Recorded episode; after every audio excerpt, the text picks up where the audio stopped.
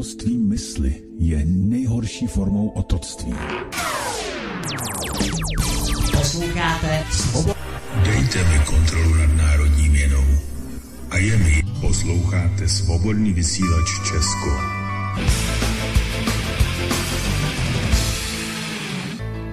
Přinášíme aktuality o tom, co se právě teď děje na Midgardu. Dění okolo nás komentuje Petr Václav.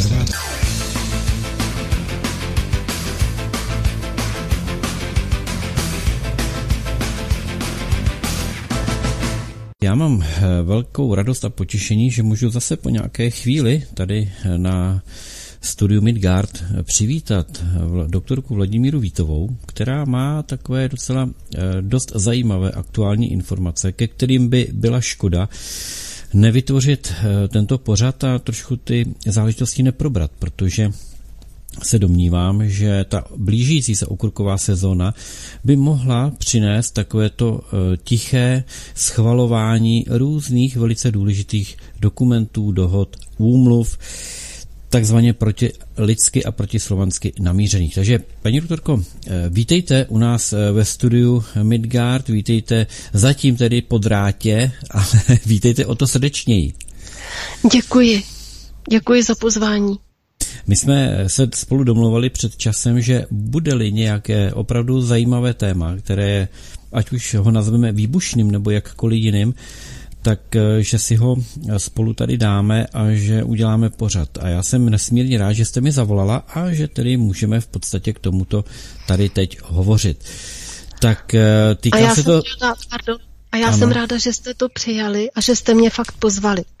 tak no, děkuji. Samozřejmě. Takže téma migranti, ono trošku to téma uvadá a tak jako se vytrácí eh, do, té, do toho pozadí, protože ono to vždycky běží tak, že oni nám udělají takový test, to znamená otestují, eh, do jaké míry by to vyvolalo nějaký odpor. Eh, nechají vybouřit, vypustit všechny ty ventily, vybouřit všechny ty hlasy proti a potom v tichosti implementují a pak nás postaví buď před hotovou věc, anebo už jsme si na to tak nějak zvykli a tak budeme eh, svolní víc a schopni eh, lépe to akceptovat. Tak bych to trošku viděl, eh, že nás opracovávají tímto způsobem. No tak povídejte, co máte nového k migrantům? Dobře, takže téma migranti. No, já jsem chtěla říct, že si to vůbec neuvědomujeme a když uh, budu hovořit konkrétně o situaci v Praze, tak tam je vidět, že vlastně to vzali do rukou agentury a že se jede podle plánu. Já předešlu, že jsem kdysi byla na jednom školení v rámci ČSSD po roce 89, když byla podporována ze strany německých sociálních demokratů a rakouských sociálních demokratů, tak vlastně pro ty budoucí politiky bylo vytvořeno několik školení a mezi jiným tam přednášel doktor Ivo Beran, který měl ohromnou kancelář PR agentury a byl to psycholog ve Vídni. A on tam říkal, třeba, já bych to dala jako příklad, protože podle toho jede vlastně to prosazování těch migrantů v naší zemi. On tam dával příklad, že když třeba se začaly prosazovat minisukně, že to vůbec nebylo nic spontánního, že ženy ty minisukně nechtěly nosit. Ale ty firmy a módní návrháři se najali agenturu, a ta najala nějaké slečny nebo paní a ty začaly chodit v minisukních a vždycky za nimi šla dvojice, buď mužů nebo ženy a vždycky chodili tam, kde bylo hodně lidí.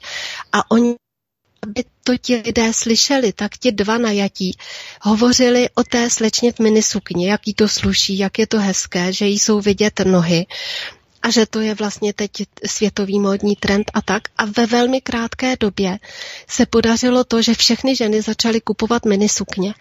A tohle to se týká třeba i diskreditace politiků.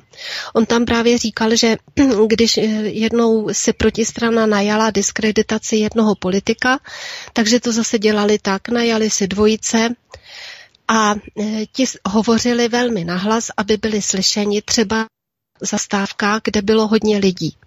autobusů nebo tramvaje a pak, když ty lidi odjeli, tak, nebo oni odjeli taky a pak zase zastavili na jiné zastávce a tam si o tom povídali a já teď řeknu, co si povídali.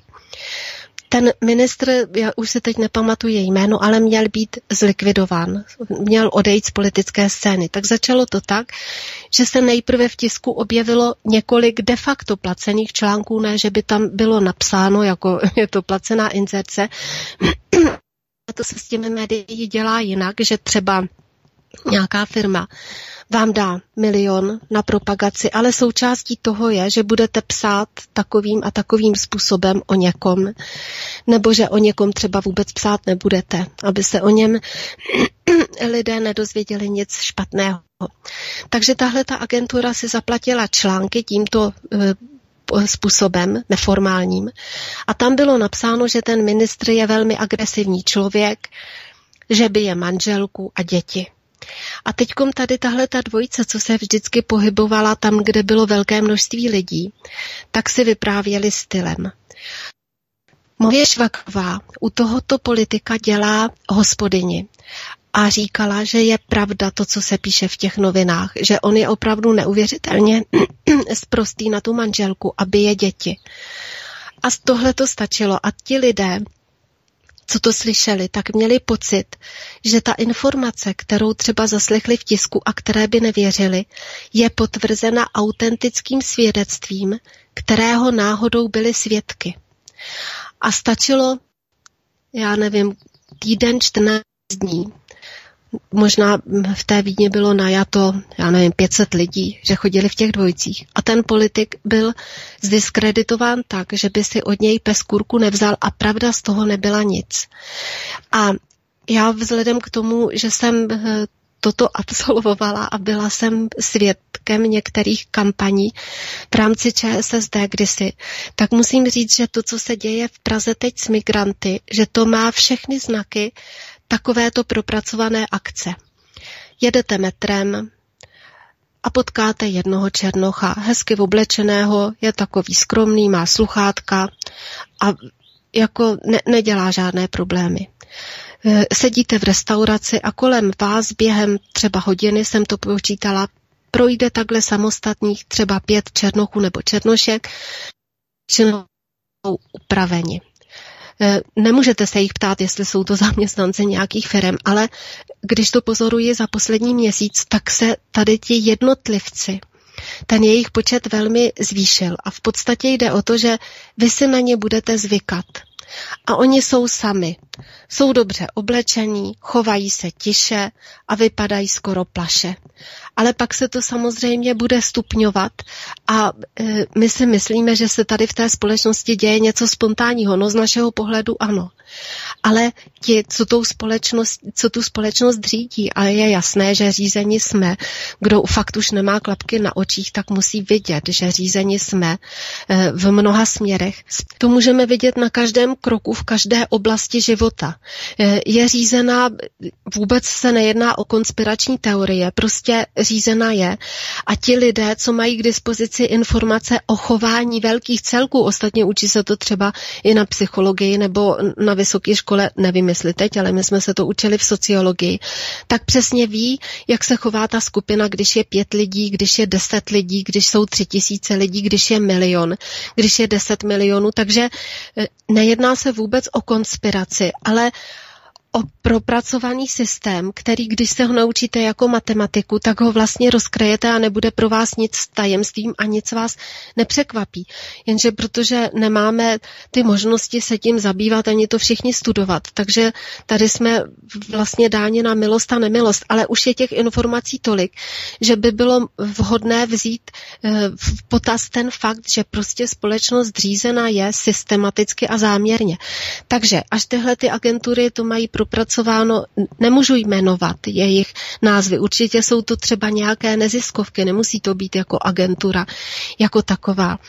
Takže až oni Pardon, uvidí, že ta... Já bych, já bych možná ano? to zareagoval teď, paní doktorko, protože eh, přesně jak říkáte, jsou tady agentury, které vytváří na zakázku ten, ten všeobecný dojem i v tom sběru těch informací. Ano? To znamená, že lidé si myslí, že eh, jakoby ty, hm, ta, ta, ta společenská nálada nebo ty preference různé eh, před volbami, že to je nějak, nějaký odraz toho, co si lidé myslí, ale eh, tyhle ty agentury mají své respondenty rozstříděné do těch škatulek a když se chce výstup takový a makový, tak se to prostě odešle ten dotaz pouze těm, kteří takto budou reagovat. To znamená, že manipulováno je úplně všechno a já teda doufám, že tady na svobodném vysílači nás poslouchají posluchači, kteří už to berou jako, že to je opravdový fakt.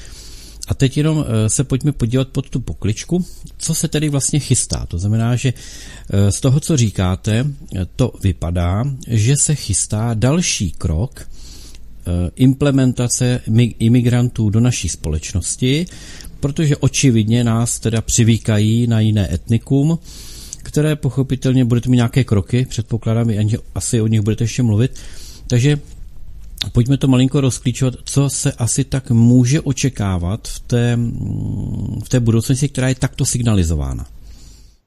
No, já si myslím, že se může očekávat to, co my pořád říkáme, že tady bude příliv do té Evropy celé Afriky. 56 milionů migrantů.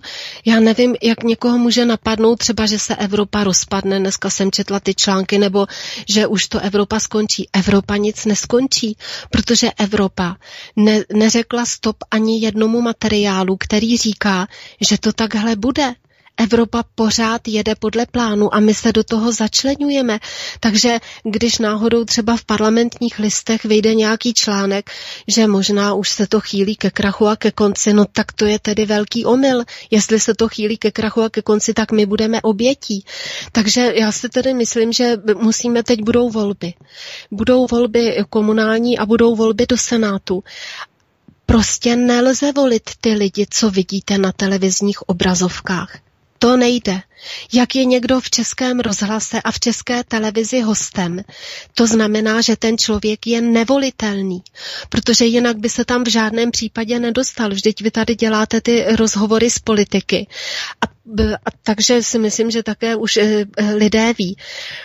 Někdo tam teda je kvůli tomu, že je v senátu a, a v parlamentu, takže mu to slovo dají, ale zase ne všem, jenom těm vybraným politikům. A já chci říct, aby si lidé nedělali iluze, že prostě ta hra se slovy, je, že to dělají i mnozí ti politici a aby si dávali opravdu pozor na to, co se říká, že protože v této době už fakt musíme mluvit stylem ano, ano, ne, ne, ale jestliže tam je vždycky nějaká podmínka a lidé si to špatně vyloží, že ten politik nebo ta strana to tak mysleli, no tak to není pravda. Jestli tam není jasné stanovisko, tak podle mého názoru prostě nemá smysl vůbec se tím zabývat. Opravdu je teď potřeba říkat jasná stanoviska. Já bych ještě, hned se vrátíme k té migraci, ale k těm průzkumům toho veřejného mínění. Eh, tak by to nemělo být, že jsou oslovováni jenom někteří lidé, jak jste říkal, Určitě to tak je v mnohých agenturách, ale i kdyby byla oslovována ta populace tím průřezem, jak má být, jako věkové kategorie, kategorie různé sociální struktura, tak i tak se s tím dá velmi dobře pracovat. Já, když jsem byla na ministerstvu školství, tak jeden čas prostě byla ta teze ve společnosti, že máme strašně málo vysokoškoláků, že jsme zaostalý národ a že jich musíme mít daleko víc. A já tenkrát, protože jsme spolupracovali, nebo nespolupracovali, ale eh, Akademie věd je také státem řízená organizace, spadala částečně rozpočtově, tehdy ještě pod ministerstvo školství, tak jsem se domluvila s Centrem pro výzkum veřejného mínění, Jestli by tam mohla být otázka, jako myslíte si, že je málo vysokoškoláků a teď máte představu, jaké procento vysokoškoláků je ve společnostech třeba v Německu nebo v Americe. A pak máte eh, povědomí o tom, od kolika let eh, je počítáno na západě, že je člověk vysokoškolák. A na tom by se ukázalo, že ty lidé neví z hola nic, že už my jsme měli ohromné množství vysokoškoláků a že pro nás je vysokoškolák po maturitě 18, po 18 letech a tam jenom, když se absolvuje nějaký kurz. Takže už když by se udělali tyhle otázky, tak by se objevilo, že, jako je, že, že, že je to všechno špatně, to, co si lidé myslí. Ale to Centrum pro výzkum veřejného mínění, ačkoliv my jsme byli zadavatelé, tak oni tam takové otázky nedali. Oni to tak okleštili, že vlastně ať odpovíte ano nebo ne, už si přesně nepamatuju tu formulaci otázek, tak ať odpovíte ano nebo ne, tak to vyznění je takové, jaké chtěli oni. A to právě teď se zase vracím k těm politikům. Jestliže se nebude říkat v téhleté fázi a lidi se podle toho nebudou orientovat, to ano, ano, ne, ne, ale budou tam pořád nějaké ty obezličky, jako a teď na to není doba a musíme počkat, až ta doba bude jiná a musíme počkat, až budeme mít kvalitní spojence a teď bychom se zhroutili, když bychom třeba vystoupili z Evropské unie, nebo pořád, že se musí na, něko, na něco čekat a být taktický, tak prostě to je cesta do pekel. Jako my fakt už nemáme čas a jestli někdo třeba podceňuje ty komunální volby, no tak to je teda také špatně, protože zrovna v souvislosti s tou migrací jedná se o prodej pozemků. A jestliže tam máte zastupitelstvo, které se nechá koupit a pak ty pozemky prodá migrantům, což vůbec nechápu, že může být takový zákon, no ale evidentně je, tak se pak ti lidé nemohou nadávat na politiku, nemohou nadávat na média, protože oni sami tím jsou vyni, sami voliči. Takže fakt apeluji na to, aby se brali tyhle ty nastávající volby velmi v podstatě smrtelně vážně. Já bych možná tomu ano? trošku zareagoval. Jestli, eh, víte, lidi jsou dost unavení eh, těmi všemi volbami, těmi, těmi různými sliby a, a nechtěl by to vůbec se jako kdyby zamyslet nad tím systémem jako takovým, protože ten systém je nemocný. A no dobře, ale teď ten systém funguje a ty lidi, když ho nebudou teď respektovat, jinou možnost nemají, tak prostě dopadnou strašně, pak už ani nebudeme se moci zamýšlet nad tím, jak ten systém nahradit, ale to je přesně záměr, aby byli lidi uvláčený, ondaný. No a jestli se vzdají, no tak, tak prostě to tak bude, že se vzdají a bude všechno špatně. Ale dostane, dostane se nám zasloužené odměny. Pardon, ještě jenom jedna otázka. Eh, právě ta informace, jak, jak jsi ji vyřkla, že mm, se jakoby začíná propírat v médiích, že ta Evropská unie se asi rozpadne, eh, ono je to vlastně nejlepší tišící léčivo, eh, na veškeré ty mm, Přesně. rozjitřené Přesně. mysli, protože ti lidé si řeknou, aha, tak ono už to bere konec, ano. už do toho nemusíme tlačit, už ano. je to hotová věc, a už eh, jako kdyby ta intenzita toho tlaku na ty změny pochopitelně se bude přesměrovávat někam jinam. Tak eh, to mě, hm, to mě k tomu napadlo. A potom ještě jedna věc. Hm, já vím, že vy eh, jako ANS a vůbec s lidmi okolo vás, tak hodně řešíte ten námět vystoupení z Evropské unie a vystoupení z NATO. No nicméně na druhou stranu rozpad Evropské unie považujete za kolaps, který by zasáhl i nás. Mohla byste posluchačům ozřejmit ten rozdíl, jestli teda z té potápějící se lodi vyskočit do toho záchranného člunu a odpádlovat pryč, anebo, nebo se potopit i s ní, jestli to takhle dobře chápu? Evropská unie má za cíl se rozpadnout a zlikvidovat Evropu, ale bohužel má za cíl i pohřbít všechny Evropany. Takže jestli se rozpadne Evropská unie a na to my čekáme, no tak jdeme do kytek automaticky. Takže my máme jedinou šanci z té Evropské unie vystoupit a to vystoupit okamžitě a podle Lisabonské smlouvy to i lze. Takže ty věci o referendu jsou jenom těšínská jablíčka. A navíc, to jsme říkali ve volbách, volby jsou víc než referendum. Vždyť tam rozhodujete o komplexním programu. Není to jenom jedna otázka ano nebo ne. Takže Jestli zůstaneme v Evropské unii a budeme si myslet, že se rozpadne, tak ano, rozpadne se, je to jejím cílem. Cílem je, aby přestala existovat Evropská unie. Teď, kdyby takový cíl nebyl, tak by se ty dokumenty o přílivu migrantů v milionovém množství buď se od nich odstoupilo, nebo nebyly nikdy přijaty. Vůbec se o nich nehovoří, ale pořád platí.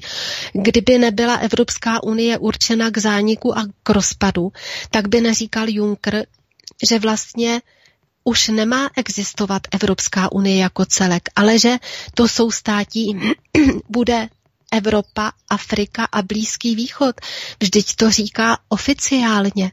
Takže tady se pracuje na tom, aby ta Evropská unie vlastně i ona, aby byla pouhým regionem v tom obrovském soustátí kolem, říká se tomu, kolem toho středozemního moře, proto je ten projekt Euromed. Takže to přesně, jak jste říkal, jestli se teď objevují zprávy, jako těšme se, Evropská unie se rozpadá, no tak to jsou zprávy falešné, milné a lživé, protože Evropská unie se nerozpadá. A já pak, až se dostaneme k, k tomu rozpočtu, tak tam jasně uvidíte, že prostě nerozpadá se ani omylem. Bude to čím dál horší. Ona bude, a je... roz, ona bude rozpadnuta, maximálně tak akorát. A, ano, a, no ale vlastně jako rozpadnuta. Ona se stane pouhým regionem v rámci toho velkého celku, jak říkal Juncker, eh, ve, společně s Afrikou a s tou Ázií. Ty jejich plány jsou takovéto. Bude, Takže bude podstoupeno, to... bude podstoupeno vyššímu ano. celku, že? Mhm. Ano, ano. No, de facto no ten i... model, pardon, de facto ten model asi bude dost podobný, tak jako uh, jednotlivé svrchované státy se nechaly porobit uh, tou Evropskou unii, tak posléze ta Evropská unie se nechá porobit dobrovolně uh, tím vyšším celkem a stane se jeho součástí a bude stejně panáčkovat, jako my panáčkujeme pro Evropskou unii. Takže ono to vlastně ten model už tady máme. No ano, a ještě to také možná není všeobecně známo, že z Afriky k nám proudí kvanta migrantů organizovaně, nebudou to teď už migranti, budou to rovnou obyvatele Evropské unie, protože na těch hotspotech v Africe dostávají de facto občanství ale tím, že se vylidňuje Afrika, tak tam ale zase někdo jde. Tam jdou právě zástupci těch koncernů a ty nejbohatší lidi, protože budou mít Afriku jenom jako čistě jako zdroj surovin. Také se tam eh, tlačí, nebo tlačí, už tam dávno jsou Číňané, takže to nezůstane žádná země nepolíbená. Tam se bude kutat až do roztrhání těla a bude to zdroj pro tu nejbohatší hrstku planety a ti migranti sem jdou, aby nás tady zničili, aby my jsme se tady vzájemně zničili v těch občanských válkách. Eh, my to často říkáme a já to jenom zopakuji. Tady nejde o to, že by nám měli být vděční, protože my jim platíme peníze a dáváme sociální dávky. My jim dáváme ta Evropa jim dává ty sociální dávky proto, aby oni tady vyvolávali nepokoje, aby oni rozpoutali tu válku občanskou, proto jsou placeni, to jenom nám se zdá, nebo nám říkají, že podívejte se, musíme na ně být hodně dát jim sociální dávky. Ne, oni jsou za tohle to placeni. To je vlastně jejich žolt, ale říká se tomu sociální dávky. A teď, jak má přicházet ještě více a více těch migrantů, tak na to už samozřejmě nebude, ty už nebudou ani placeni. Takže ty už tu pak budou protože nebudou mít peníze, tak ty budou ještě o to horší. Takže eh, když se na to mrknete, nebo mrknete, když se na to podíváte s odstupem nějakým historickým, vezmete v potaz ty materiály Evropské unie, ty plány, které pořád, pořád platí, tak vidíte, jak je to proorganizovaný úplně do detailu plán, takže já, já nevím, prostě musí se odejít, jedině odejít z té Evropské unie Protože byly ty statistiky, kdy je z nich zřejmé, nedělala to ani Česká republika, ta by to nikdy neudělala, ale myslím, že Rakousko a Německo a z nich je zřejmé, že speciálně Česká republika nejvíc eh, v rámci svého HDP do Evropské unie platí a nejmín dostává. Takže to už taky je taková profláklá věc, že to vůbec není pravda, že my bychom od Evropské unie dostávali nějaké peníze, naopak, my jsme čistými donátory. A jde to nejen těmi dotacemi, jako co, co my tam platíme do Evropské unie, ale musí se samozřejmě k tomu připočítat všechno to vedlejší. Vždyť tady prostě platíme jako mourovatý každou věc 150krát. Vždyť ekonomové to spočítali, kolikrát my zaplatíme jednu věc, asi pětkrát. To je, to je hezké číslo, tedy přiznám se.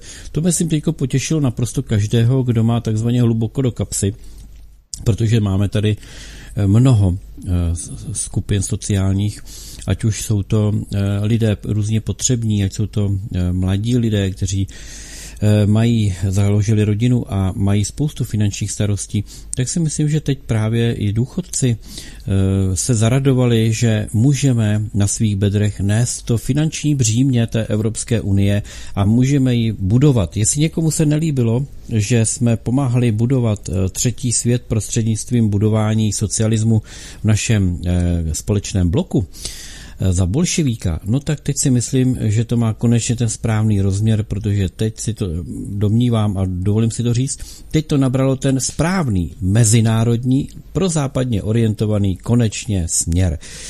No, eh, nevím tedy, eh, jestli teď uděláme takový oslý můstek, proč vlastně... Já bych, já ano. bych ještě, pardon, já bych ještě chtěla říct, když jsme hovořili o těch politických stranách, jakože že jste říkal o tom, že lidé jsou unavení a zklamaní, no ale to jsou teda neprávem unavení a neprávem zklamaní, protože eh, si nečtou ty programy politických stran, kdyby si dali tu práci, že by si přečetli programy politických stran, tak by zjistili, že oni jim nelhali.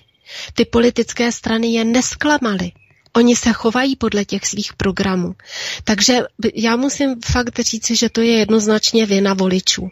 Ne v těch politických stran, to jsou podvodníci a oni v těch programech mají a říkají dobrý den, my jsme podvodníci, my vám všechno ukradneme a vezmeme a lidi tleskají a říkali bravo, protože toho člověka viděli v televizi a on jim řekl nějakou blbost.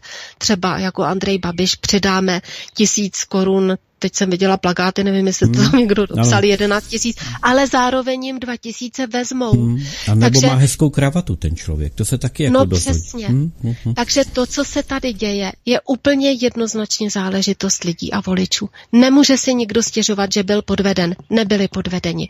A musím říct, ať vezmete jednu politickou stranu vedle druhé, včetně KSČM a SPD, voliči nebyli podvedeni. Tak. Oni ty svoje programy dodržují. Takže když se... Protože to tam nemají, protože to tam nemají. ano, ano. KSČ nemá vystoupení z EU, z SPD nemá vystoupení z NATO a to bychom mohli probírat dál a dál ty věci. I když se o tom hovoří, v programu to není. A já bych... A vid... Ano, ano. A vidíte, že když je sestavována vláda a když jsou pak různé koalice a když se hlasuje o, o zákonech, tak jeden vedle druhého, včetně těch dvou stran, o kterých jsem hovořila, SPD, KSČM, všichni se odvolávají na program, že budou jednat podle toho a hlasovat, jestli to mají nebo nemají v programu. A lidi, když jsou volby, tak říkají, že jsou programy na nic. No to není pravda. Programy jsou de facto ten, eh, na to jim dávají ty voliči štempl. Ne na to, co pleskne eh, jeden politik z té strany řekne A, druhý řekne pravý opak. Takže jenom tohle na do vysvětlení. Vy jste se ale pěkně rozohněla, paní doktorko, to se mě líbí. Podívejte, um, zmínili jsme tady, zmínili jsme tady SPD a Tomia Okamuru. Um, k tomu se váže taková um, zkazka malá o tom, jak Andrej Babiš dostal jakési instrukce, že nemůže složit vládu z SPD, protože by v podstatě se vystavil riziku, Ehm, že by nenaplňoval zase to, co se od něho chce od Evropské unie a od Madame Merkel. Mohla byste to nějak přiblížit? No, já mám ty informace pouze, co bylo na Aeronetu. Věřím, že o tom mluvil v pátek VK. Ale já vám řeknu svůj osobní názor. Já si myslím, že to je totiž úplně jedno, jestli ve vládě SPD nebo KSČM. A to právě vzhledem k tomu, že to, co úplně zásadně, jako nic zásadnějšího není, co ovlivňuje náš život v téhle společnosti. Že se musí začít od toho kořene. Když se nevykoření ten kořen, tak se nezmění nic a to je právě opuštění Evropské unie a NATO. A, a znovu opakuju, jestliže SPD nemá opuštění NATO v programu a ani nechce a říká, že nevidí alternativu a jestliže eh, KSČM nemá opuštění Evropské unie a ani nevidí alternativu, tak je to de facto jedno, jestli v té vládní koalici je ANO a ČSSD, nebo ANO a SPD a KSČM, nebo STAN. Je, jde jenom o míru toho, to, té poroby, ale ten kořen a, a vlastně ta příčina té poroby nebude odstraněna nikdy. No já z toho tedy eh, chápu jednoznačně, paní doktorko, že se nelze spolehat na nějaký keci v kleci, jak říkala moje babička. Zkrátka a dobře je to o tom, že mám-li já jako občan eh, názor, že je potřeba vystoupit z Evropské unie, která nás vysává, a z NATO, které nás zatahuje do morálního bahna v různých těch agresích, kterých se čím dál tím víc účastníme, tak je zkrátka a dobře nutné podívat se do těch programů a volit pouze ty strany, které mají to vystoupení ve svých programech a lze tedy očekávat, že potom můžeme vystavovat účet. Chápu to dobře? No Přesně, ale zástupci těchto těch stran vždycky budou jen v těch malých stranách a nikdy se nedostanou do médií. A uvažování voličů, že radši budu volit větší stranu, která má tu šanci, protože já si myslím, že časem ona se ta strana dopracuje k tomu, že bude chtít vystoupit z EU a z NATO, tak to je úplná blbost. Ta strana je právě v těch médiích a má ten úspěch právě proto, že to tam jenom naznačuje, ale ale to jasné stanovisko nemá. Takže buď je to úplně jedno, jestli lidé volí malou stranu a ten jejich hlas propadne, anebo jestli volí třeba KSČM a jejich hlas nepropadne, ale vidíte, že se neděje vůbec nic. Mm-hmm. Tak jestli lidi mají takové obavy o svůj hlas, aby nepropadl, tak jestliže ho dají té větší strany, tak volí to, co nechtějí. Jest, no, to je pořád dokola. No jasně, ale já bych tady vytvořil takovou paralelu, když dovolíte. Jo? Ano. Eh, vy o mě víte, je to o mě známé, že já považuji Cyrila a Metuda e, za ty bratry, kteří sice přišli ze Soluně, ale spáchali na nás obrovský hřích a nechápu, jak je slovanské organizace a vlastenecké mohou oslavovat, protože to byli oni, kteří zatloukli ten poslední hřebík do té slovanské rakve. No ale zase proti tomu existuje takový názor, a ten jako paralelu chci použít, že kdyby to neudělali touto formou, takže by u toho teklo mnohem víc krve. A tak já zase udělám paralelu na to naše téma.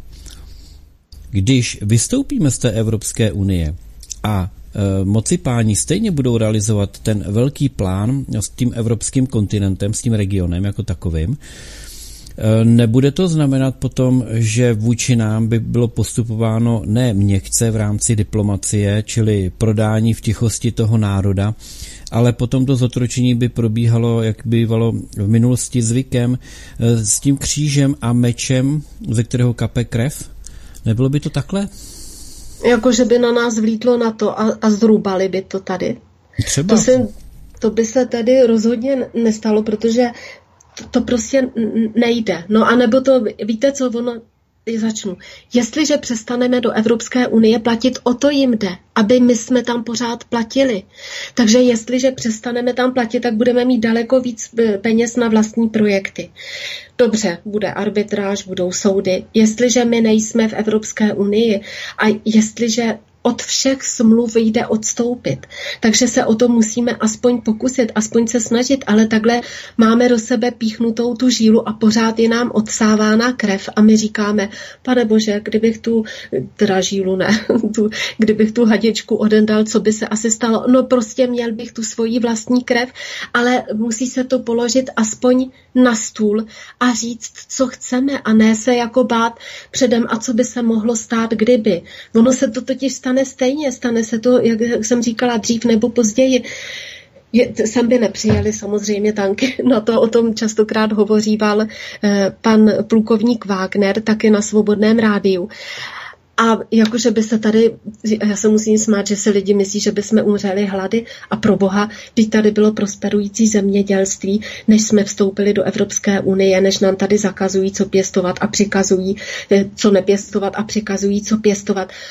Prostě já vůbec, já fakt jako, já ani nevím, co na to mám říct, já vůbec nechápu obavy těch lidí. Mně to přijde, ta naš, to naše členství a pohled mnoha lidí na naše členství v Evropské unii jako štokholmský syndrom. Prostě oni vás někam zavřou, zneužívají a vy už jste tak zblblej, že pak ty svoje trýznitele a věznitele omlouváte a de facto je máte a bojíte se, co vy byste chudák, já, to není na vás osobně, mluvím v, dru, v, v, v jedné osobě jednotného čísla, jako co chudák já bych asi dělal, kdybych neměl toho protektora. No prostě nedělo by se nic a když se lidé podívají na ty naše stránky, tak nemáme to tam samozřejmě podrobně, protože nemáme ani k dispozici ta data, ale víte, co je zajímavé? Já si myslím, že mnohá data nemá k dispozici ani náš stát, ani naše ministerstvo financí, ani náš statistický úřad. A vím to, když jsem dělala dlouhé roky ve státní správě a měla jsem tu možnost požadovat ta čísla ta čísla prostě nejsou, neexistují. Hmm. Takže tady ani, ani nejde, pardon, ani to nejde eh, spočítat. Rozumím, ono to také vyplývá z reakce třeba Andreje Babiše, když mu byly kladeny některé otázky, tak nevím, jestli to byl pouze únik, eh, aby nemusel reagovat i hned, ale On si nechával udělat, teprve si nechával udělat analýzu, kolik peněz přitéká z Evropské unie a které, eh, kolik peněz eh, jak si odtéká a nejenom přímé platby do mm, evropských fondů nějakých, ale také platby, které odchází, nebo peníze, které odchází ve formě dividend, eh, ve formě zisků zahraničních firm, protože to všechno v podstatě by za jiných okolností zůstávalo v této zemi a bylo by to k užitku. Protože kdyby některé firmy nebyly státní, eh, pak, pardon, nebyly soukromé a byly státní, tak eh, by vlastně tvořily zisky do státní kasy. A není pravda, že stát by neuměl řídit ty firmy. Protože na... No přesně, ano, souhlasím. Ale já mám ještě jednu otázku takovou. Nemyslíte si, že ty hovory eh, o tom vystoupení z Evropské unie, to připuštění vůbec toho, že by to bylo možné, Není to tak jako na pozadí trochu blokované tím, že když nebudeme s těmi, to budeme s jinými a že by to znamenalo příklon k Ruské federaci? aniž bych proti tomu něco měl, jenom to kladu jako na stůl, takový, vnitř, takový strašák na pozadí, eh, který možná by se začalo strašit. No já, se, já, já fakt eh, jako nevím, čeho se bát. Tak já jsem o tom hovořila v minulém svobodném vysílači, když jsme byli v RVHP, tak ale všechno patřilo nám. Byla tady sice nějaká dělba práce v těch průmyslových oblastech mezi jednotlivými zeměmi, ale co pak tady pro boha nebylo všechno státní a nepatřilo to tomuto národu. Prostě patřilo a teď je to všechno úplně jinak. A na, navíc jako teď i v souvislosti s tím osvobozením Sovětský svaz nás osvobodil a já jsem byla na několika akcích, kde bylo řečeno, že prostě týkalo se to konkrétně Eduarda Beneše, že prostě Benešova vina nebyla, že se Stalin dostal do střední Evropy. Takže takhle se posouvá výsledek druhé světové války, naše osvobození a takhle se vlastně interpretuje role Sovětského svazu nebo Ruska v našich dějinách, takže všechno je úplně naopak. No, a to je jako kdyby jste bojoval s tou hlavou saní, že jednu hlavu utnete a teď se zase nějakých 150 blbostí vyrojí. Takže rozhodně navíc, kdybychom teda se přiklonili k tomu Rusku, jakože ani Rusko to nechce, tak bychom tam teda měli trh, jakože na západě ten trh nemáme. A kolik tady pro boha vlastní Rusko našich fabrik nebo našich továren, nebo jaký, jaký, jaký zisk plyne vůbec do Ruské federace.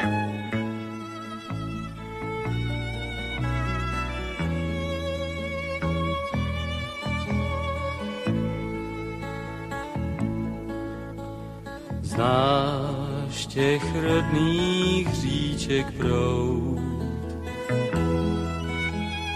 Háj, kde v dětství mýval. Znáš tu zem líbeznou, tu zem líbeznou, kde tvoje lásky jsou Znáš tu zem líbeznou, tu zem líbeznou, kde tvoje lásky jsou. Znáš těch lesů líbný stín, žárky bílé stříbro Znáš tu zem nádhernou, tu zem nádhernou, když jarem krášlí. Znáš tu zem nádhernou, tu zem nádhernou, když jarem krášlí kvít.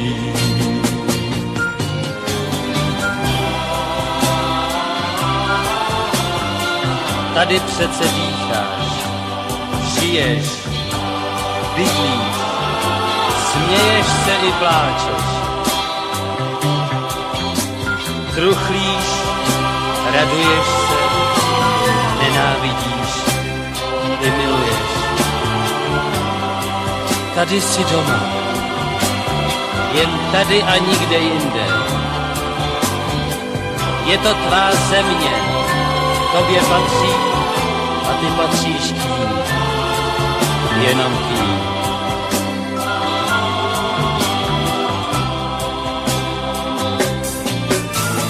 Chléb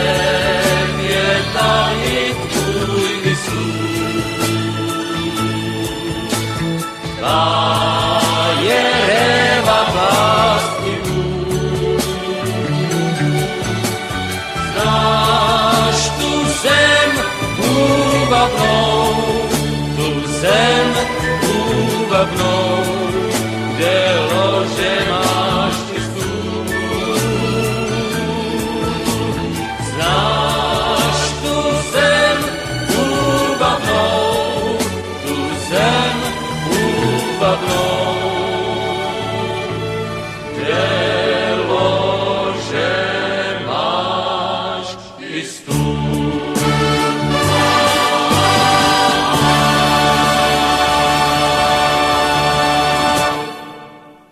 jsme, my jsme teď museli trošku vyřešit eh, jednu takovou záležitost a ta sice spočívala v tom, že nám tak nějak spadlo, eh, spadlo naše spojení, takže jsme se s paní doktorkou Vítovou opět propojili, ale tentokrát po telefonu, takže malinko se nám zhorší kvalita, ale co je důležité, nezhorší se nám kvalita informací.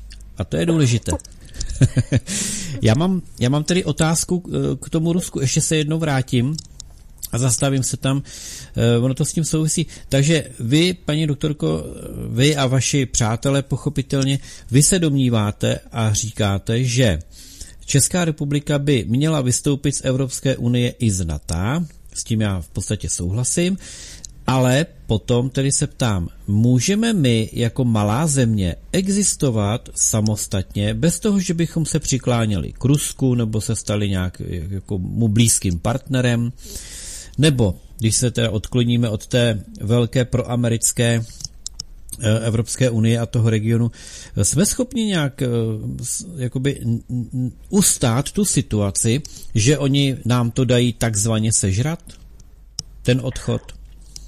No, oni nám to možná dají sežrat, ale teď už to žereme taky, protože ten rozdíl v tom by nebyl velký a těch variant je několik. Můžeme se, ale musíme říct, co chceme, rozhodnout se a pak ty kroky učinit a ne se pořád bát. Takže buď je možné komunikovat se státy a domluvit se, začít se domlouvat v rámci B4.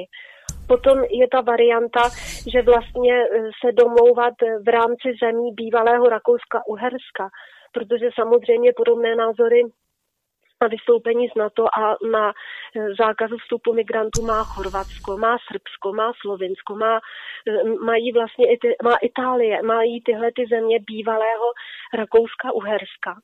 A potom je možné domlouvat se eh, se zeměmi v rámci obce, té konference o bezpečnosti a spolupráci v Evropě, protože to je vlastně největší organizace jakoby mírová, ale je úplně nevyužívaná, jako říká se, že je pasé. Přitom například naši členové, zrovna pan inženýr Sobotka, ten zemřel před dvěma roky, ale ten stál u zrodu, u formulaci všech těch závěrečných dokumentů. Chci tím říct, že v našich řadách jsou lidé, kteří se podíleli eh, během uplynulých desetiletí i před rokem 89 na formulaci evropské mírové politiky, na zakládání těch smluv, jako že těch variant je mnoho. A teď bych řekla ráda, že na posle, při posledním oficiálním setkání Vladimíra Putina eh, s Emmanuelem Macronem, tak tam zaznělo, že ty státy, které už si neví rady, zaznělo to tedy z úst Vladimíra Putina, že pokud eh, jim nebude nepři, připadat, nebude připadat jako nepřítel Rusko, takže vždycky jako je možné se na něj obrátit, že pomohou, ale to neznamená, že sem přijedou ruský tanky a že jako to tady budou okupovat, ale já znova opakuji, to nevím, jestli jsem byla slyšet do éteru nebo ne. Tady se dělá z toho Ruska strašák a přitom Rusko bylo vždycky poslední instancí pro Evropu, ať se to týká všech uplynulých historických válek, ať se to týká poslední druhé světové války a pokud někdo pořád tady omílá rok 68, tak teď se otevírají archívy a je naprosto zřejmé, že rok 68 byl plánovaný ze strany Američanů jako barevná revoluce. Takže na, kdyby se podařilo rok 68, tak už tady v České republice nezůstane kámen na kameni. Ono tam totiž ani nešlo, když jste to otevřela spolu s tím archivem, to je, ono je to totiž velice citlivé téma a každý, kdo si dovolí, to máte stejné, jako když zmíníte židy, tak eh, jste okamžitě napadena, onálepkována, že co si to dovolujete. A když se někdo dotkne toho roku 68, eh, tak pochopitelně je to také velmi citlivé, ale my si to můžeme domlu- eh, dovolit, protože my nikam nekandidujeme, aspoň já tedy, takže my můžeme o tom mluvit, aniž by nám to potom někdo sečetl v nějakých preferencích volebních. Já mám informaci k tomu 68. roku, chci to potom někdy rozebírat v nějakém pořadu, až na to přijde jako kdyby správný čas. Ale e, přesně jak říkáte, barevná revoluce, organizovaná zvenčí a co je nejhorší, že v rámci úmluv e, toho paktu Varšavské smlouvy, tak v rámci těchto úmluv my jsme začali vystupovat jako zrádci, kteří v podstatě nebyli ani schopni jedním podpisem umožnit přesun vojsk přes naše území do jiné lokace a potom zase přesun vojsk zpět. To znamená, že ten tím výsledkem potom bylo právě to, že tady ta vojska zůstala, protože jsme se jevili jako nespolehlivý partner. E, toto jste měla na mysli? No, měla jsem na mysli i to, že se teď otvírají nejen ruské archívy, ale i třeba americké a tam se o tom jasně hovoří, že to CIA plánovala. Jsou tam i jména těch lidí, s kterými byla domluvena a v těch západních médiích se o tom vědělo daleko dřív, než se co se bude dít. Vlastně jako třeba se říká, že 11. září, že o tom referovala televize ještě před tím samotným údajným aktem, tak tohle přesně se stalo v tom roce 68, ale jestli to někdo nechce vidět nebo slyšet, tak to je fakt jeho problém. A jak jsme se bavili o těch volbách, že eh, lidé nejsou zrazeni politickými stranami. Ty strany nelžou, ty strany v těch programech mají, že ty lidi okradou, že tady nebude prostě nic, jenom že ty lidi si nepřečtou ty programy a pak věří věří, co kdo pláce v televizi, ale ani v té televizi ty, poli, ty politici nelžou. Oni to říkají tak takticky, že ty lidi tomu chtějí věřit. No a když se vrátím zpět k tomu roku 68 a, a vůbec tak tady, jak ta propaganda jede na plné obrátky 24 hodin denně v těch mass médiích a ve školách, tak jako strašně nám vadí rok 68, ale vůbec nám nevadí Německo, v roce Míchovská dohoda. Vůbec nám nevadí, že nám do dneška nezaplatí reparace. Vůbec nám nevadí Anglie, že si nechala naši, naši pomoc, pomoc našich letců zaplatit až do tkaniček od bod. Takže to jsou úplně nesrovnatelné věci.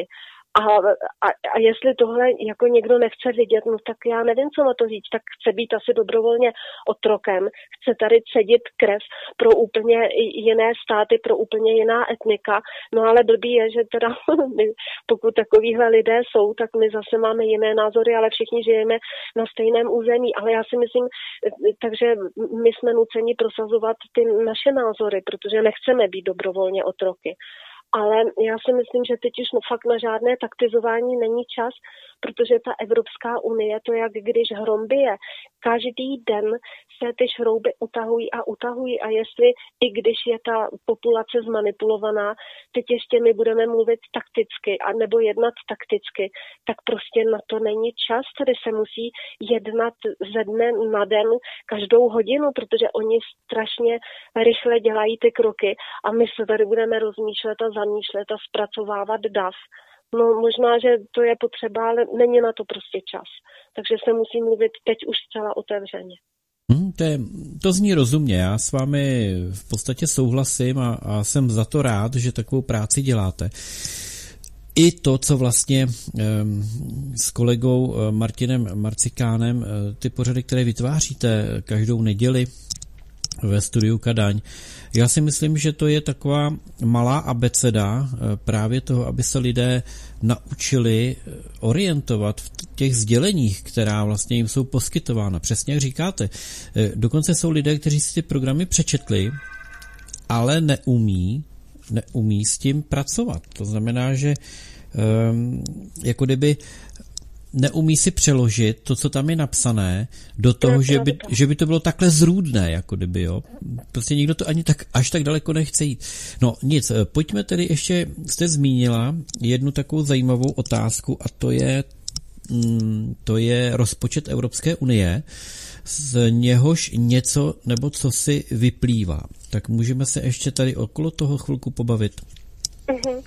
No, já jsem chtěla říci, že teď předložila eh, během začátku června a koncem eh, května Evropská unie návrh rozpočtu na příští rok, tedy na rok 2019, kdy navrhuje zvýšit ty výdaje o 3%, což je dohromady 166 miliard eur.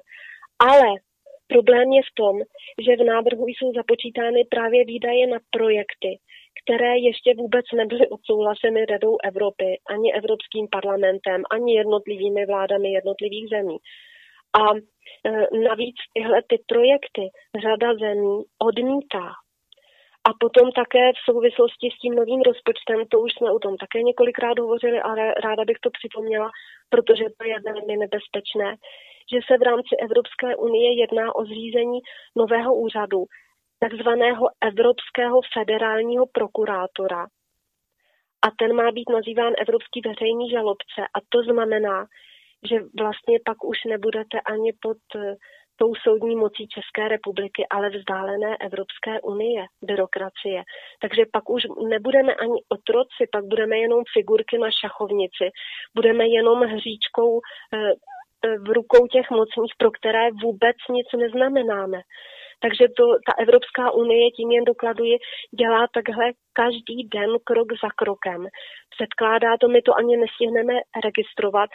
Když jsou do parlamentu předkládány materiály, tak to prostě jsou desítky, stovky stránek, to se ani nestihne prostudovat. Takže jediné, jediné rozumné možné eh, vyřešení té situace je vystoupení z Evropské unie, ale okamžité protože na referendum zase se o něj bude na dvě, dva roky, ne dva roky, 20 let nikdy nebude schváleno a navíc ta Lisabonská smlouva to umožňuje.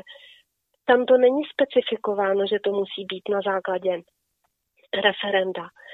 Může být dopis vlády, může být dopis parlamentu, to je jedno. Prostě tam ta forma není řečena. Tam je jenom řečeno, že stát může požádat a vystoupit. A jestli je to možná někde eh, detailněji řešeno v nějakých materiálech, o tom tady nevím. Ale jestliže nikdo nedodržuje právní řád, jak se teď budeme dokladovat, ani Evropská unie, ani parlamenta je v tom taková změň, tak bych aspoň deklarovala, nebo my bychom chtěli, aby ta Česká republika deklarovala poli- veřejně na mezinárodní úrovni tu politickou vůli, že její občané i podle průzkumu chtějí opustit Evropskou unii, ale neděje se ani tohleto, ani to minimum.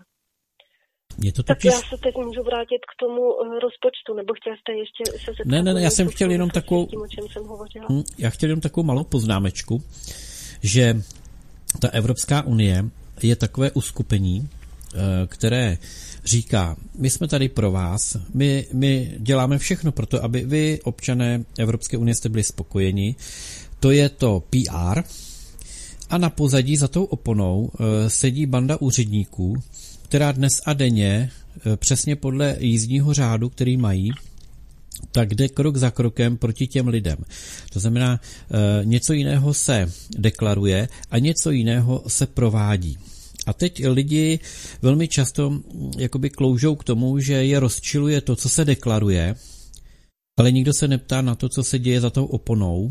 E, to je to, co vy říkáte, že oni dnes a denně dělají stále ťapou a dělají ty kroky k tomu, aby dosáhli toho cíle, který byl popsán eh, v tom dokumentu Koudenhove Kalergiho, eh, v té jeho kuchařce vlastně na eh, ten návod, který tady vlastně oni realizují.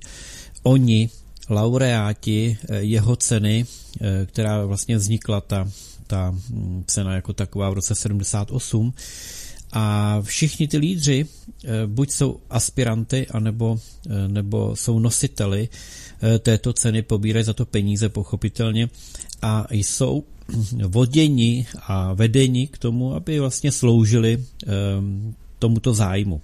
To je zájem nade vše. A pokud nám někdo říká něco jiného, tak jsou to jenom e, taková ta manipulativní slovíčka, jak říkala moje babička, keci v kleci. No, tak pojďme no. k tomu rozpočtu. No v podstatě se jedná, my jsme v roli kryptokolonie. že mnohé státy fungují, suverénní státy fungují právě v režimu kryptokolonie po dobu mnoha desetiletí a někdy i staletí a jsou v nich jako zanechány takové ty iluze, že je svoboda slova, nebo že je volební právo, nebo že je pluralitní systém, ale jsou to jenom iluze. A já bych teď zacitovala z jednoho materiálu, který právě říká, je to, eh, je to, já teď nevím, myslím, že z francouzského tisku a tam se právě říká, v ekonomickém vzdělání existuje zásadní rozdíl mezi ekonomikou pro úředníky a ekonomikou pro pohlaváry. Takové oblasti, jako je nepřímé řízení na úrovni předpisů, struktura oběhu peněz, nepřímá stimulace, makrořízení a podobně. A to v podstatě vůbec není součástí základního ekonomického a jiného vzdělávání. A příčina je jednoduchá, neboť funkcí ekonomiky pro úředníky, tak tou funkcí je vnutit jim určité stereotypy, často se blížící čisté mytologii, které v souhrnu programují předvídatelné chování ekonomických subjektů. A funkce veřejné ekonomické vědy je vlastně analogická exist, a to je existence předvídatelného chování těchto lidí, tak tato existence toho předvídatelného chování zajišťuje podmínky, za kterých si s takovým systémem mohou pohrávat ti, kteří mají znalosti z oblasti vyšší ekonomiky. A to není jenom v ekonomice, to je v chování, eh, v sociálním chování. Je, o, o tom jsme hovořili ještě, když byl funkční ten Skype prostě není pravda, že ty procesy jsou spontánní. Ty procesy jsou vypočítané a no, je, ještě to zopakuju, učí, nevím, jestli v této době, učí se to na sociologii, je to jakoby matematika toho sociálního chování.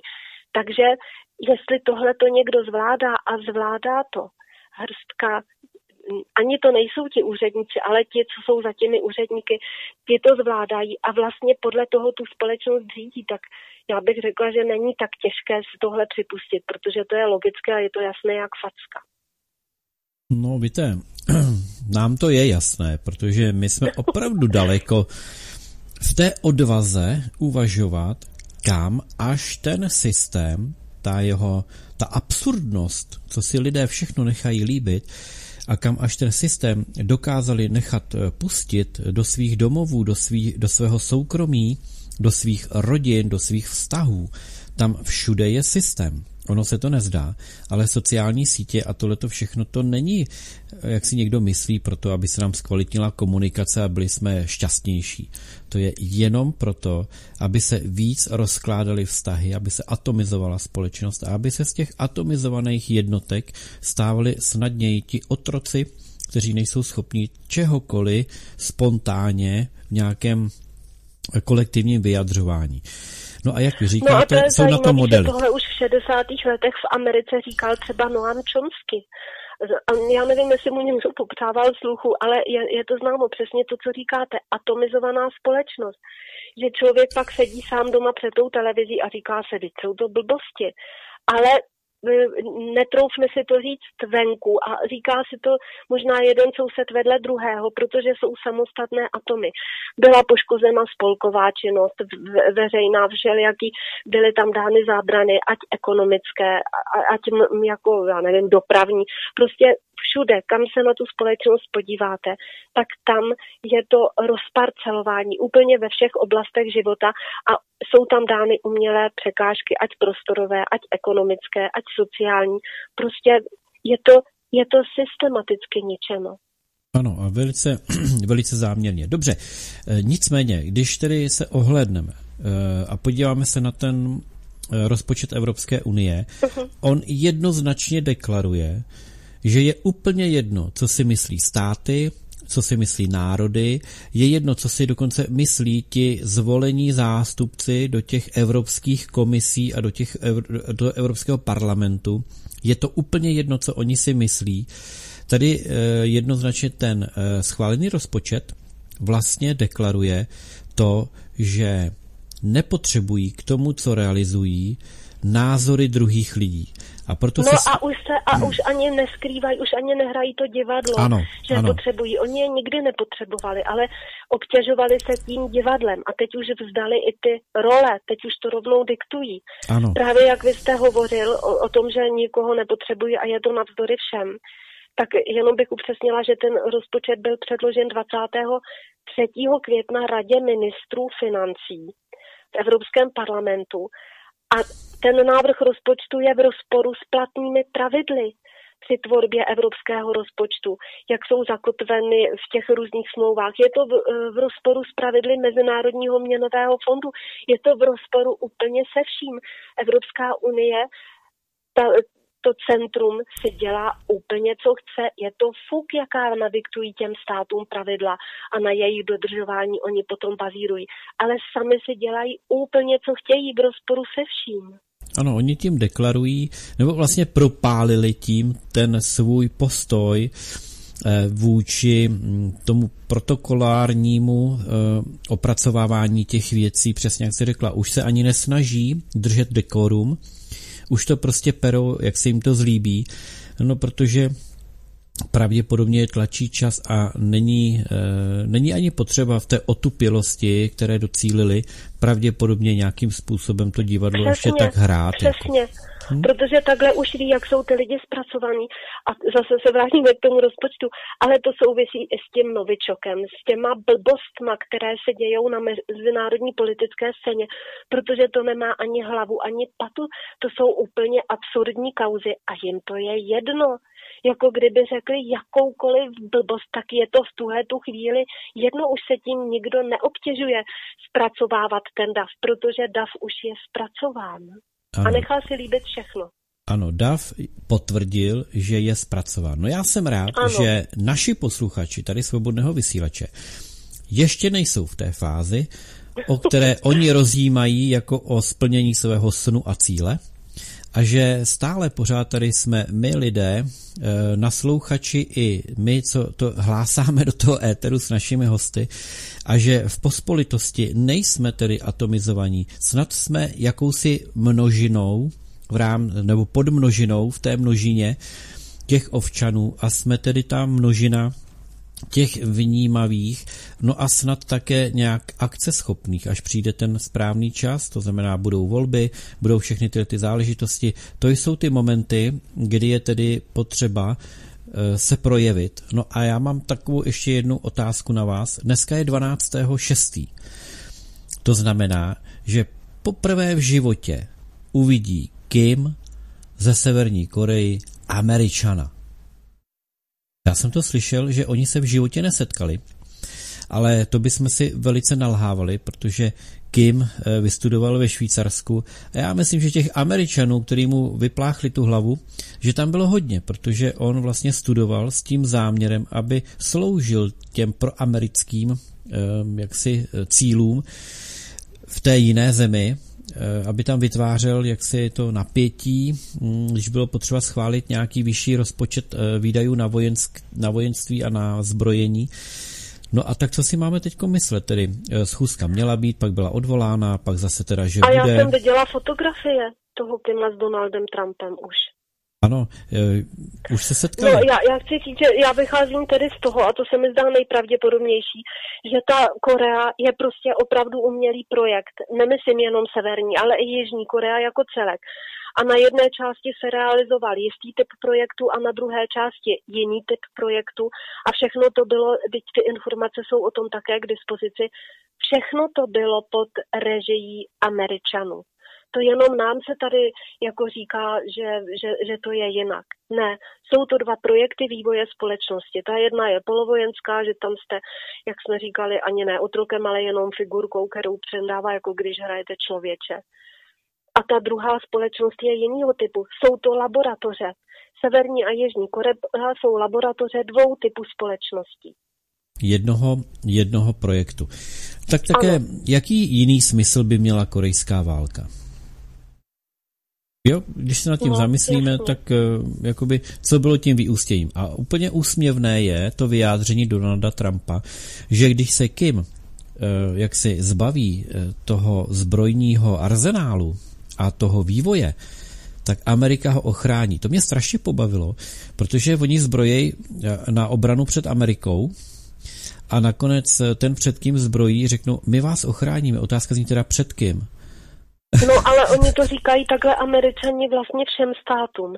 I když se stalo, já nevím, je to možná kolik, pět nebo šest let jsem se to poprvé zaregistrovala, když se stalo nějaký něco v Rusku.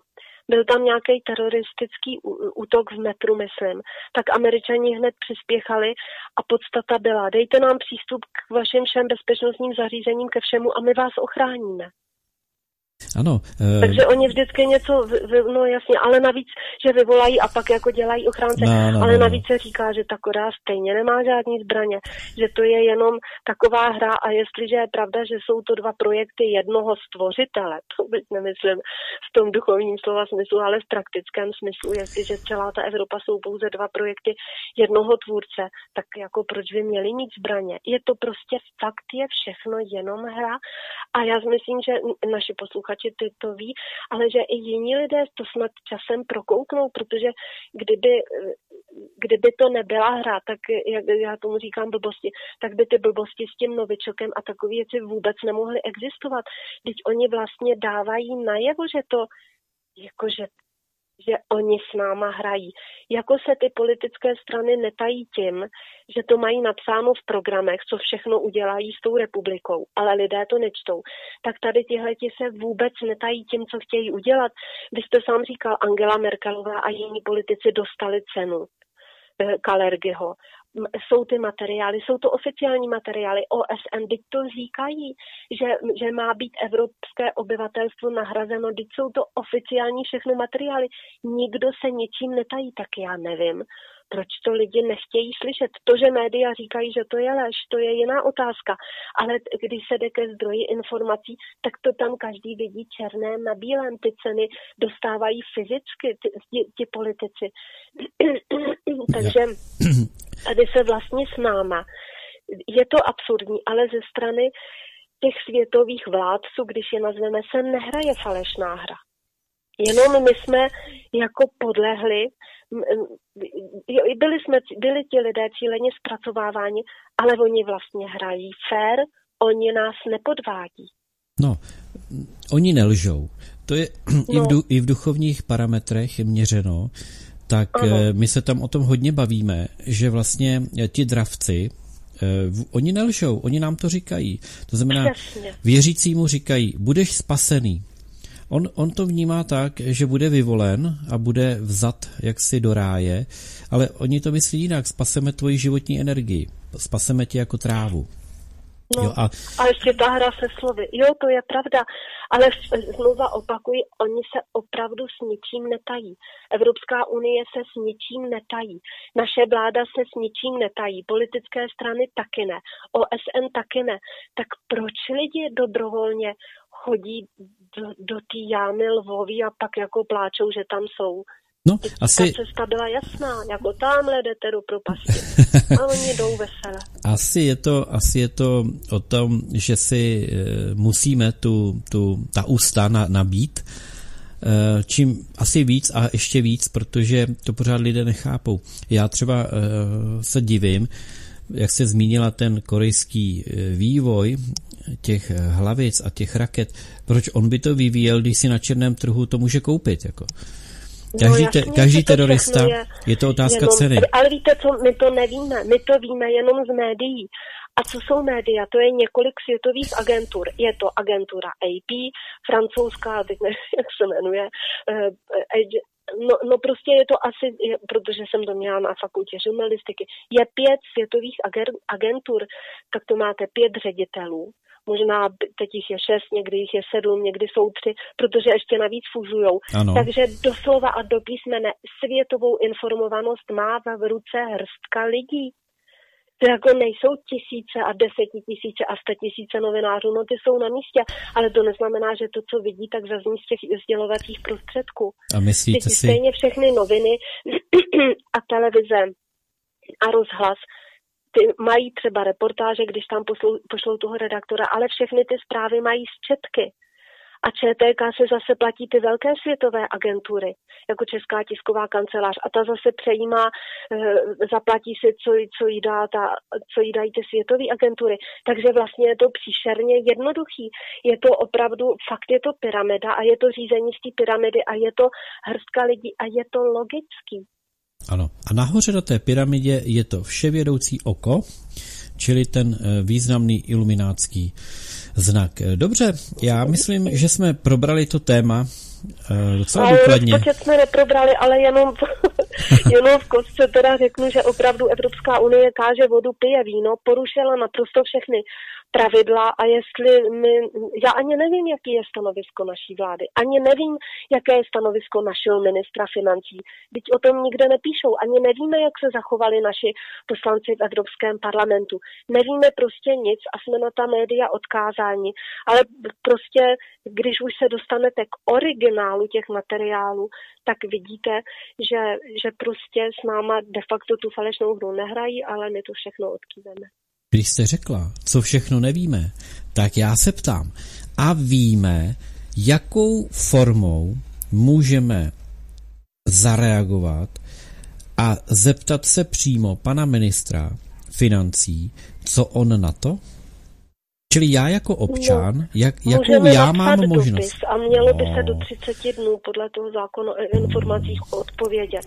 No dopis, Když, no. Ono se to posílá na ministerstvo, na tiskový odbor a tam zajistí odpověď ne paní ministrině, ale z nějakého toho odboru. Ale samozřejmě měla by, je to jedno, kdo vám to pak napíše, protože to je stanovisko toho ministerstva, teda i její. Ale může se to vyzkoušet. No já jsem pro, protože mě by to opravdu to stanovisko zajímalo, tak se jenom potom dohodneme, kdo ten dopis napíšeme, ano? No a já vám rovnou řeknu, jaká bude odpověď. Taková no to já vím taky.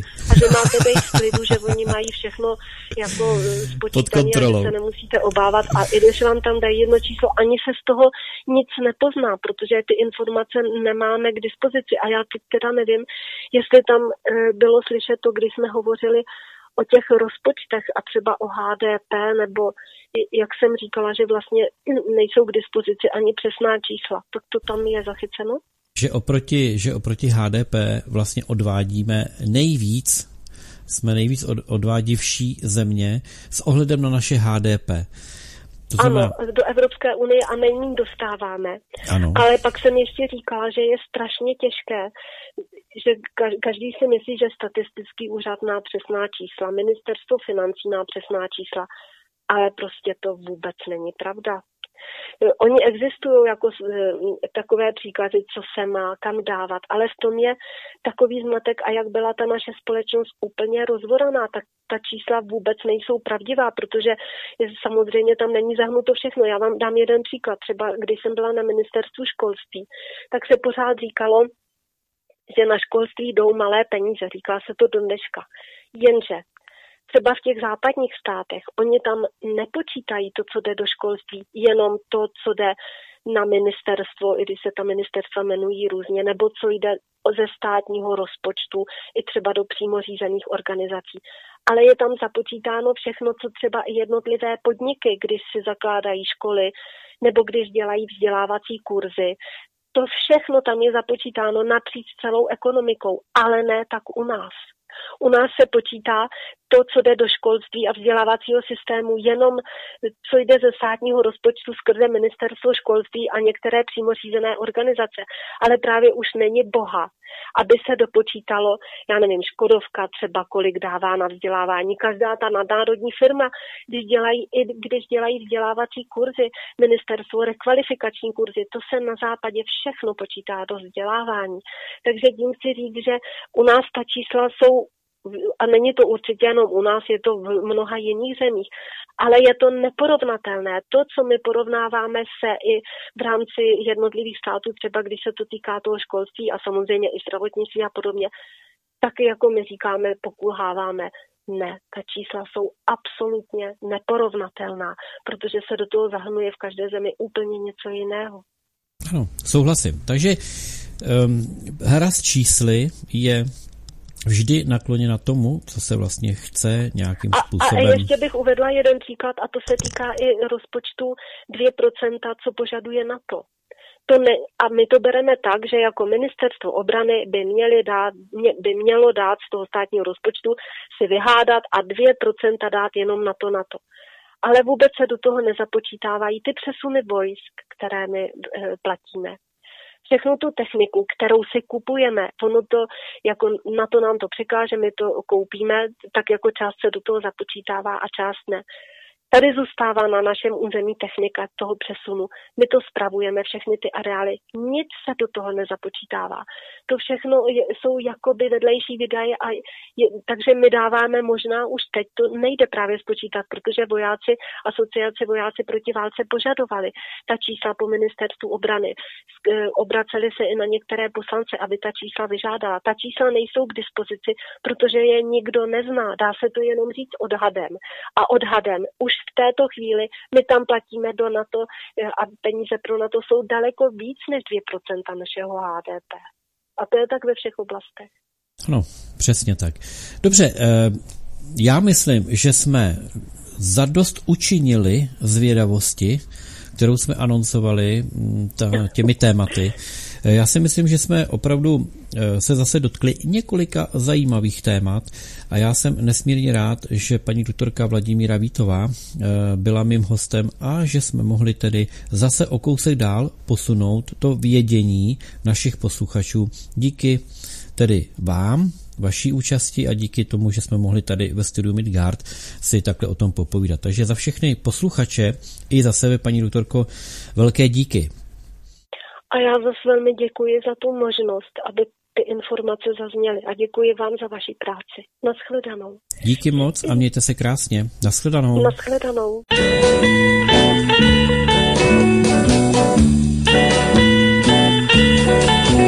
Bylo to kolem roku 1905. Proletáři všech zemí! To vím naprosto přesně. Buržoazie je naším společným nepřítelem. Cože? Teď já vám to řeknu naprosto přesně. Chce se mi zvracet. Rasulně! Kotlár Laco. Toto som ještě nezažil. Cože? Teď já vám to řeknu naprosto přesně. Buržoazie je naším společným nepřítelem. Hledáš někoho soudruhu? Teď by mě zajímalo, jestli pak víte, soudruzi. To jsou lžičky, které vyvinuli výzkumníci z NDR. Bylo to kolem roku 1905. Přijíždí k nám motorka a na ní muž s koženou brašnou. A komu tím prospějete, co? Tak to vím naprosto přesně. Kdo se ptal na tvůj názor? Petr Václav. Cože? Jmenuji se Igor Hnízdo. Bylo to kolem roku 1905.